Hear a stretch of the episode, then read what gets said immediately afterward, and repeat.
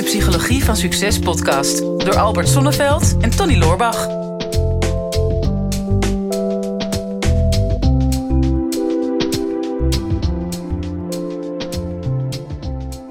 Wat denk je, Tony, wat een van de meest gehoorde klachten is binnen relaties, maar ook wel op het werk van relaties die met elkaar communiceren?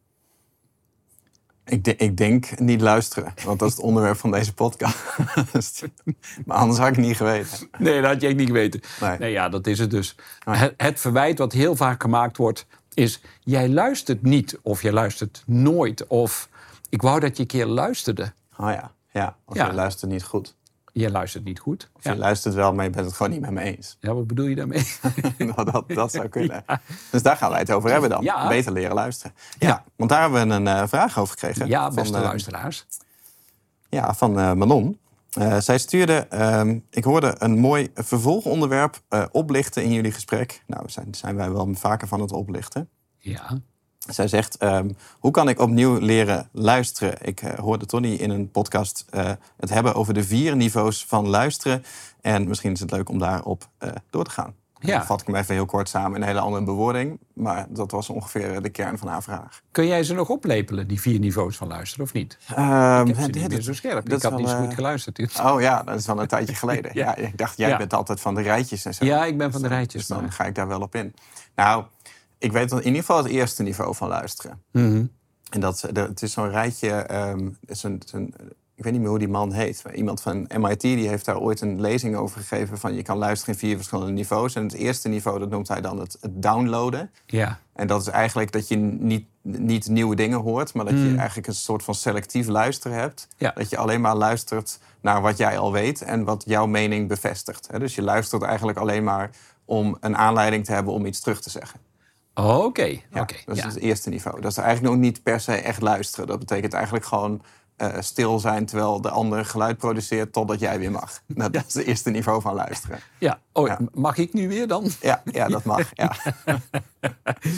Ja, dat is wel interessant. Ja, ik heb er natuurlijk ook over nagedacht. Wij bereiden dit natuurlijk altijd wel een soort van voor, deze podcast. En ehm, dan dacht ik, ja, waar, waar gaat het dan vaak mis? Als je, als je moeite hebt met luisteren of je wil opnieuw leren luisteren. Voor mij heeft het vaak te maken met dat luisteren door allerlei filters moet die je zelf hebt ontwikkeld door je leven heen. En ja, mijn overtuiging is inmiddels van laat oma thuis als je luistert. Laat oma thuis. En, ja, ja, en OMA is een acroniem en dat staat voor oordeel. En ehm, de M die staat voor mening. En de A die staat voor aanname. Oh. En, ehm, en vaak luister je, maar dan heb je al allerlei oordelen. Eh, nou, van, oh ja, hij, gaat, hij zal wel dit of dat tegen me zeggen. Of ik krijg nooit de ruimte om ook eens een keer mezelf uit te spreken. Of, ehm, nou, dat wat uit mijn mond komt is allemaal niet zo zinnig. Nou, weet ik voor wat voor oordelen dat je hebt. Allerlei meningen kun je ook hebben over jezelf en over de ander. En natuurlijk allerlei aannames van, nou ja, dit, dit of dit zal wel gebeuren. Of als ik dit zeg, dan zal dit wel het gevolg zijn. Oh ja. Maar als je daar al mee in je hoofd zit, als dat de filters zijn waarmee je naar de buitenwereld kijkt en daardoor jezelf uitspreekt, ja, dan is het ook heel lastig om open en, en vrij te kunnen luisteren, Ja. is mijn ervaring. Oh ja, dus daar gaan we kijken of we dat een beetje praktisch kunnen maken. Ja. Dat heel kort even die vier niveaus, dan hoeven we daar niet al te lang bij te, bij te blijven plakken. Maar Ja. het is denk ik wel inzichtelijk om een beetje te kijken van waar zit jij dan als luisteraar. Hmm. Eh, ik, ik moet pijnlijkerwijs constateren dat ik toch wel erg vaak op niveau 1 eh, blijf, blijf plakken. Ja. Maar laten we eens kijken of er, of er hoop is. Ja, maar dat is het eerste niveau is eigenlijk alleen maar luisteren om iets terug te zeggen. Dus niet echt Hmm. luisteren. Het tweede niveau, dan komt het al iets meer in de debatteerstijl. Van hè, je luistert wel. Je, neemt wel echt informatie op. Dus je luistert naar wat een ander zegt. Ook als dat iets is waar jij het niet per se mee eens bent. En dan probeer je al wel een gesprek van te maken. Dat betekent eigenlijk dat je iets meer met elkaar in gesprek raakt. In plaats van dat je eigenlijk tegen elkaar aanpraat.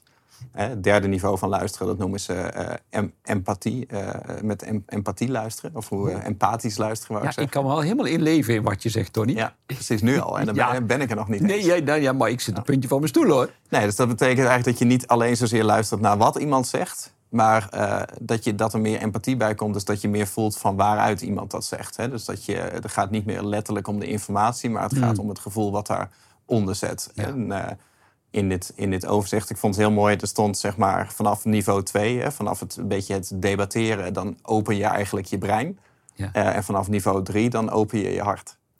Ja, dat is super spiritueel. Ja, het is echt wel heel romantisch. Ik word steeds blijer, eh, Tony. Ja, dus dan, dus dan luister je meer naar waarom zegt iemand iets. Ja. En, en een vierde niveau, en die vind ik zelf heel lastig.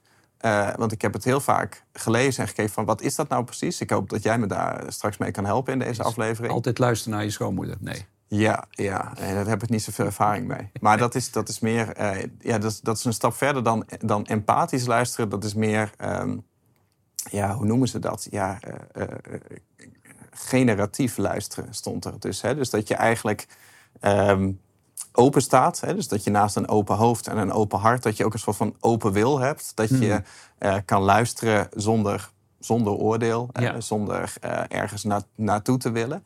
Eh, en dat je eh, in het gesprek, zeg maar, gesprek alle kanten op kan laten gaan. En met name naar een nieuwe kant. Hè? Dus dat je eigenlijk je, de beide gesprekspartners, allebei, dat je jezelf kan inspireren om verder te komen dan daar waar je op dit moment bent. Ja. En heel veel beter kan ik het niet samenvatten. Nee, ja, wat, wat, wat, eh, waar ik aan denk is aan een heel mooi boek wat ik gelezen heb van Krishnamurti en, en David Bohm. En dat gaat over on-dialogue. En, en daar heeft dat mee, mee te maken. Hè. Je, je kunt in een gesprek eigenlijk twee richtingen kiezen, eigenlijk heel simpel.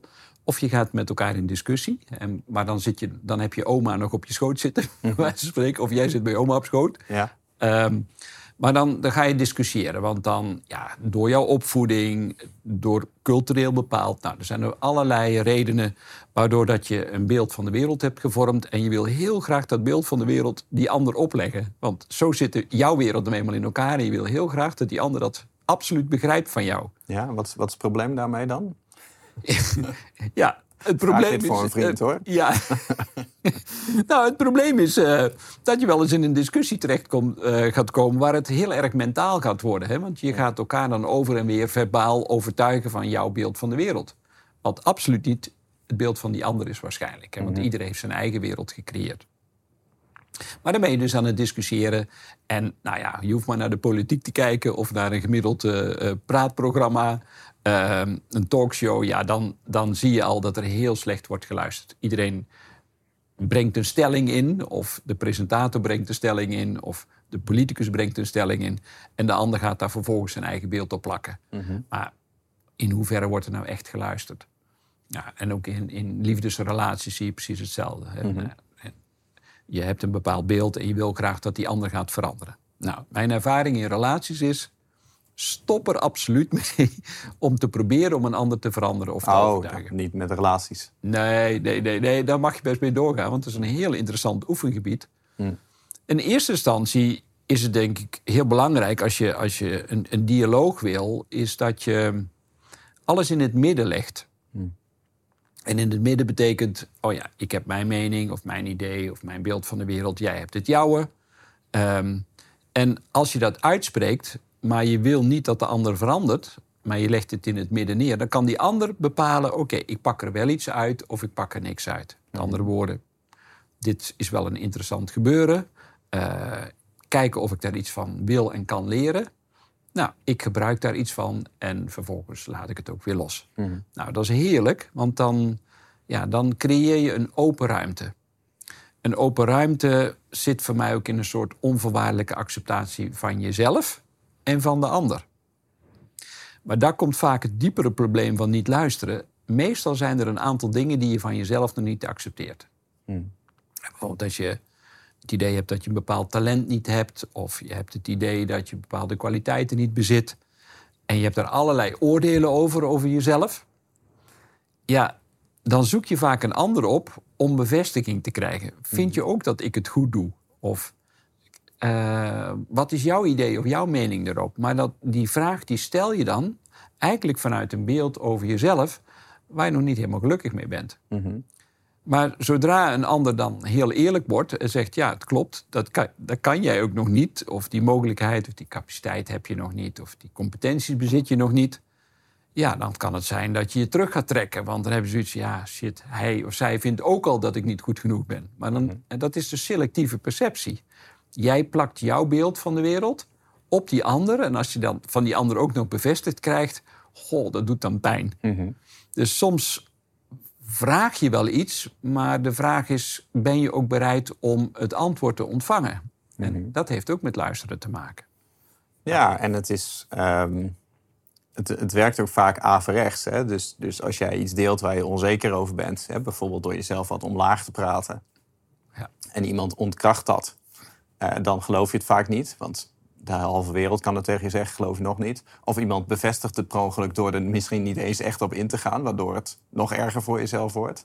Of je bent aan het overcompenseren. En dat is wat natuurlijk veel gebeurt in gesprekken, is dat je iemand zegt iets en jij kijkt naar wat kan ik vertellen wat hierop aansluit. Dus je, het is een soort van verhalenwedstrijd. Van, jij hebt een sterk verhaal, dan ga ik nog een net iets sterker verhaal vertellen. En ergens lijkt het alsof je verbinding maakt als iemand iets vertelt. Van, oh, ik heb een soort gelijk iets ervaren. En dan ga jij nog wat sterker vertellen. En dan hoop je natuurlijk dat die ander denkt van... nou, dan kijk ik nu nog wel meer tegen jou op. En dan vind ik jouw verhaal beter dan dat van mij. Maar dat, dat is natuurlijk nooit zo. Nee, nee. Want er is niks vervelenders dan dat jij iets heel tofs hebt verteld waar je trots op bent... of waar je, waar je een bepaalde emotie bij hebt... en iemand gaat daar dan weer een beter verhaal tegenover zetten. Dat is meestal niet zo dat jij dan naar huis gaat... en je denkt van, wat, wat heb ik nou een leuk gesprek gehad. Het is heel, heel contra-intuïtief dat... ehm, een mooie uitspraak vind ik... als je interessant wil zijn, dan moet je geïnteresseerd zijn. En niet zozeer eh, alleen maar aan het, aan het zenden zijn. Aan het zenden zijn. Hè? En als je kijkt naar alle gesprekken die je de afgelopen tijd hebt gevoerd, van met, met welke mensen heb jij nou het leukste gesprek gehad? Dat waren meestal de mensen die jouw vragen hebben gesteld, die naar je hebben geluisterd, zodat jij lekker, lekker over jezelf kon praten. En, en dat, dat is het, het vreemde eigenlijk, dat als je gewaardeerd wil worden, dat je dus juist niet eh, aan het zenden moet zijn en juist niet op die overtreffende trap moet gaan zitten. Ja. ja, en los daarvan is het ook zo dat je je vaak nog onvoldoende hebt ingeleefd in als je dan iets terugkrijgt van de ander. ehm, en je wil dan uiteindelijk toch iets uitzenden. In hoeverre ken je die ander echt in de bereidheid om te ontvangen? En wat is de manier, hè, wat, in NLP noemen ze dat dan het representatiesysteem, ehm, waarop die ander die jouw informatie ook werkelijk ontvangt? En wat is jouw voorkeur van ontvangen? Nou, Ik zal er een voorbeeld bij geven. Meestal is dat heel makkelijk. Eh, als je aan je partner vraagt, eh, of ik vraag wel eens aan mensen: hoe, hoe weet je nu dat je partner van je houdt? Nou, dan wordt het meestal stil. Ja, eh, ja die weet dat toch gewoon. eh doe niet zo moeilijk.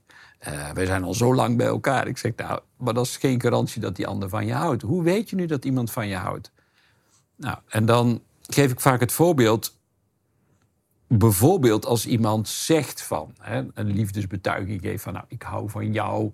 Nou, dan, dan is dat een verbale eh, uiting. En die kun je misschien verbaal ontvangen als jij zelf ook verbaal bent.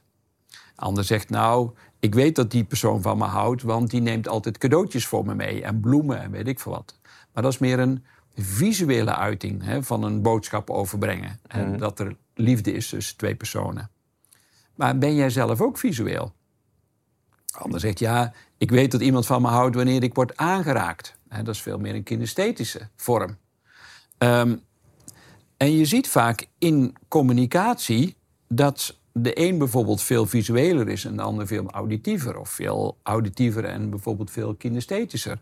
Maar als je dat niet weet van de ander en jij verwacht, en daar gaat het vaak alweer fout, dat de ander hetzelfde representatiesysteem heeft dan jij, ja, dan kan er vaak ook niet geluisterd worden. Want iemand heeft gewoon een heel andere manier van, een heel ander kanaal moet ik zeggen, waarop informatie wordt ontvangen. Want luisteren doe je niet alleen maar met je oren, hè? dat doe je inderdaad ook met je hart. En je ja, de bereidheid hebt om je te verplaatsen in de ander. En denk jij dat, dat, dat, ehm, dat je daarin door kan schieten? Ik, ik heb laatst een voorbeeldje gezien. Ik zat eh een programmaatje te kijken.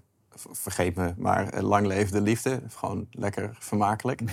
Misschien niet een Ja, ik ken het niet, want ik heb geen tv. Nou maar, ja, eh, misschien niet een intellectu- intellectuele uitdaging, maar ik vind het dan ik vind het fascinerend om naar dat soort dingen te kijken. En daar komen dan twee vrijgezellen, die gaan dan 24 uur met elkaar in een huis. Ja. Om te kijken of ze misschien een match voor elkaar zijn. Ja. En er was ook een man en die was nogal, nogal sterk in het vragen.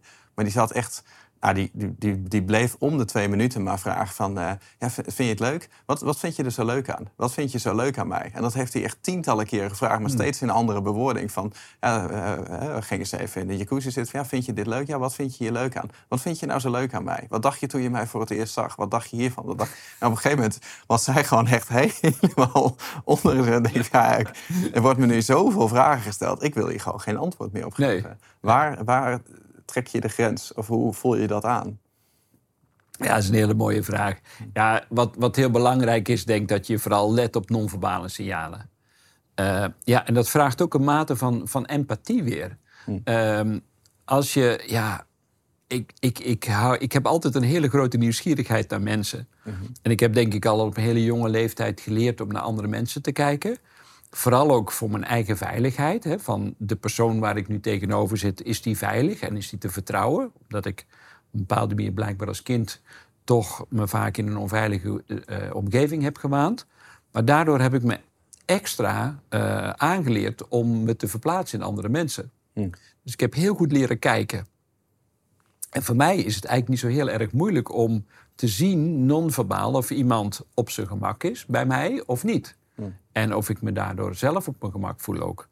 Ehm, en een van de dingen waar je dat het beste aan kunt zien, maar dat is een beetje training, is ademhaling.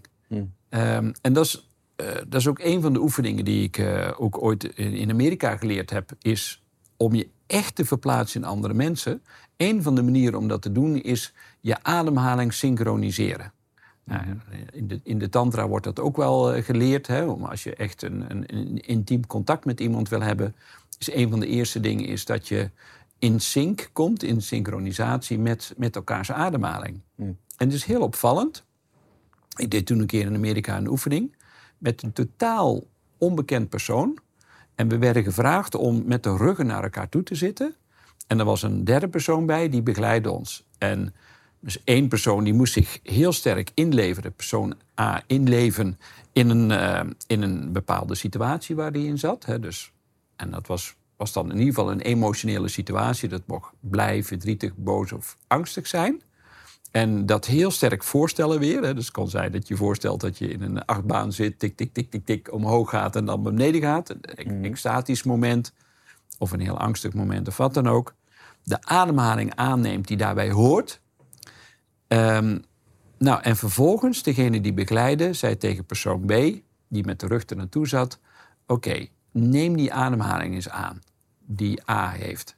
En die zei wat sneller, wat langzamer, ze konden elkaar niet zien. En heel wonderlijk wat er toen gebeurde, op het moment dat die ademhaling synchroniseerde, kon die persoon B aanvoelen in wat voor emotionele situatie A was, terwijl hij die niet kon zien. Alleen al door het synchroniseren van die ademhaling. Want daarna werd het nabesproken. En dan zei B, ja, A, ik weet niet wat je, wat je, waar je in zat, maar ik voelde me gewoon helemaal blij. Of ik voelde me juist heel erg verdrietig. En eh, nou, dan zei die persoon A van, ja, klopt, want ik moest denken aan het overlijden van een van mijn ouders. Eh, en daardoor voelde ik me verdrietig. Zo ehm, precies kun je eigenlijk, maar ja, dat is luisteren 2.0, je helemaal verplaatsen. Dus op het moment dat je kijkt naar ademhaling en je hebt de bereidheid om die te synchroniseren, ja, dat is, dat is echt het luisteren wat nodig is. Maar vaak zijn we er helemaal niet mee bezig, alleen maar met ons eigen verhaal. Nou, zou je, zou je kunnen zeggen dan dat gewoon rust in je hoofd een, een voorwaarde is om, om goed te kunnen luisteren? Ja, ja sowieso. Want eh, wat ik al zei, mensen zijn vaak veel te druk bezig met hun eigen verhaal. Uh, willen graag hun mening uh, poneren. Ja, en dan, dan is er al geen ruimte meer überhaupt om een ander toe te laten in, jou, in jouw brein. Mm-hmm. Dus hoe meer rust dat je hebt, hoe meer dat je ontspannen bent, hoe, hoe meer dat je ook uit het oordeel blijft, bereidheid bent om een, een open ruimte te creëren waarin ieder gewoon zijn eigen verhaal mag vertellen of zichzelf mag zijn. Ja, hoe meer rust dat er is, hoe beter dat je uiteindelijk ook uh, kunt luisteren. Ja. Nou, ik, vind het, ik heb het altijd fascinerend gevonden, ook als ik bijvoorbeeld kijk hoe jij als gesprekspartner bent. Um, en, en, het, en het verschil met hoe ik dat bijvoorbeeld heb. Terwijl, kijk, wij zijn allebei mensen die houden van, van kennis vergaren, van heel veel leren. Ja. Van onszelf inspireren, van anderen inspireren. We zijn ook allebei spreker. Ik merk ook dat ik, dat ik graag praat. Uh, ik vind het leuk om dingen te delen die ik geleerd heb of die ik ervaren heb. Ik heb ook geen vraag nodig om uit mezelf iets te kunnen vertellen. Dus ergens is dat een, een, kracht in moeilijke groepen, zeg maar, en op mm. verjaardagsfeestjes. Ja. Alleen, uh, er zit natuurlijk een soort van bewijsdrang onder. Um, en ook wel een bepaalde onrust. En, en ik merk dat, dat mij dat in gesprekken vaak tegenhoudt. Of, of dat uh, ik gewoon heel snel op de praatstoel ga, gewoon vanuit een bepaald jeugdig enthousiasme, mm. al dan niet een be bewijsdrang. En dat is pas als ik daaruit kom en ik zit op de fiets of in de auto terug naar huis, dan denk ik, oh ja, ik had misschien ook uh, een vraag kunnen stellen of meer een moment kunnen zijn. Ja. En jij hebt natuurlijk die, dat, hetzelfde qua kennis, maar jou lukt dat wel om dat helemaal weg te laten en eigenlijk gewoon uh, te vragen en te ontvangen. En daardoor altijd magische gesprekken met mensen te voeren. Dus, dus zit hem dat dan puur echt in dit stuk? In het, uh, het observeren en het spiegelen van, van iemand? Ja, ja, en ook wel oprechte nieuwsgierigheid. Want ik wil de beste manier om mezelf te leren kennen is via de ander. Uh, dus bij mij lopen er altijd wel twee kanalen. Dus sowieso stel ik de vraag. Mhm. En als ik dan een antwoord krijg, ja, dan is er meteen een loop die mee gaat draaien. Zo, oh ja, maar wat betekent dat voor mezelf en hoe doe ik dat in mijn eigen leven? Dus ik, ik heb naar voren toe ben ik heel geassocieerd. Hè? Dus bijna, ik kruip in de ander van, oh, wat, wat, wat leeft er allemaal in die persoon? Mhm. Maar op het moment dat ik dat iets terugkrijg, dan ga ik vaak achterover hangen. Dan ben ik wat gedissocieerd. En dan ga ik meteen, ja, een soort koppeling maken. Oké, herken ik dit bij mezelf of niet? Of uh, als iemand schrikt bijvoorbeeld van een vraag die ik stel. Oké, maar waar zit dat bij mezelf? Heb ik nog de, de neiging om die ander dan zeg maar, te overtuigen? Of hm. is het iets wat ik. Is dat een angst die ik bij mezelf ook herken? En dat gaat wel redelijk snel in mijn brein. Hm. Dat dan weer wel. Ah ja, dus het is zeg maar rust in je hoofd, maar wel op, op hoge tempo. Ja, maar het is dus wel gestructureerd. Omdat ik zoveel mogelijk de ruis wel weg wil laten. Ik, uh, en ik hou er ook heel erg van om, om naar de kern van iets te gaan. Mhm. Dus uh, koetjes of kalfjes. Of als iemand iets vertelt waarvan ik het gevoel heb... ja, het is mentaal geleuter, maar het komt niet vanuit een diepere laag, niet vanuit het hart... Ja, dan ben ik al heel snel afgehaakt. Mhm. Als ik op feestjes en partijen een beetje een oppervlakkig verhaal hoor kan ik niet meer luisteren. Bij mij moet het echt ergens over gaan. Ah, ik heb zelf behoefte aan diepgang. Mhm. En dan blok ik de rest. Dus in die zin is er wel redelijk veel rust in mijn hoofd, ja. Ah ja. Nou, dit, dit, dit, is lekker spontaan, maar ik zit lekker naar jou te luisteren en wat, probeer wat rust in mijn hoofd te krijgen. Daarom haal ik dit er nu ook uit van. Misschien is dit de sleutel. Jij hebt daar een e-book over geschreven, bedenk ik mij net. Rust in je hoofd. Ja. Zullen we daar iets mee doen? Want, want misschien is dat gewoon de oplossing voor mij en voor anderen. Die gewoon niet voorbij die eerste niveaus komen. Ja, ik denk het wel. Ik denk dat het, ja, alles helpt uiteindelijk om, uh, om, als je meer rust hebt in je hoofd, is het voor jezelf prettig, maar het is ook voor je omgeving heel prettig. Mhm. Ja, ik weet zeker dat dat kan helpen. En uh, iedere vorm van bewustwording op dat gebied is een hele mooie stap richting dat punt wat je wil bereiken. Ja, nou, weet je wat we doen? We, we zetten gewoon dat e-book zetten we gewoon uh, online voor mensen die eh, deze aflevering luisteren. Normaal gesproken verkocht jij dat in het verleden. Ja. Niet, niet heel veel, een paar tientjes, maar toch. Hè? Het is toch een financiële transactie. Dat hoeft dan nu niet geef hem gratis weg, dat hele e-book. Ja, jij, kan, jij, geeft, ja, jij bent Sinterklaasman. Ja, ik geef alles weg. Ja. ja, nee, ik vind het ook leuk dat mensen ons... Uh, we hebben heel veel luisteraars. Hè. We gingen, onlangs gingen we door uh, de 3 miljoen luisteraars. Dus het nu zelfs al op 3,1. Hmm. Uh, heel veel mensen die ons natuurlijk in de auto luisteren... of via Spotify, via de podcast-app. En wij vinden het natuurlijk ook leuk om mensen op YouTube te zien. Hè. Dan krijgen wij soms wat meer gezicht bij. We vinden het leuk dat mensen onze e-mails lezen. Want dan krijgen we ook weer leuke reacties. We hebben ook een manier om met elkaar te communiceren. Um, dus dan willen we soms ook mensen een beetje verleiden om zich aan te melden natuurlijk op zo'n e-maillijst. En dat kan nu. Dan krijg je als welkomstgeschenk krijg je dan rust in je hoofd. Dus we zetten even een linkje in de YouTube-beschrijving. Uh, psychologievansucces.nl slash rust. Ja. Denk ik. Lijkt ja. mij goed. Ja, lijkt me helemaal goed. En nog even een keer een kortere domeinnaam verzinnen. Dat hebben we technisch nog niet helemaal rond. Maar uh, dus dat linkje en dan kan je gewoon gratis dat... Uh, dat e-book downloaden. Ja, wat fijn weer. Nou ja, goed. Nou, het is een hele mooi vervolg. Dus als je met plezier hebt gekeken of hebt geluisterd, dan weet je wat je te doen hebt. Ja, het is onze lol om onszelf, maar ook vooral anderen te helpen met, uh, met meer rust en meer persoonlijke ontwikkeling. Dus blijf ons volgen. En volgende week zijn we er gewoon weer. Dit is de Psychologie van Succes podcast door Albert Sonneveld en Tony Loorbach.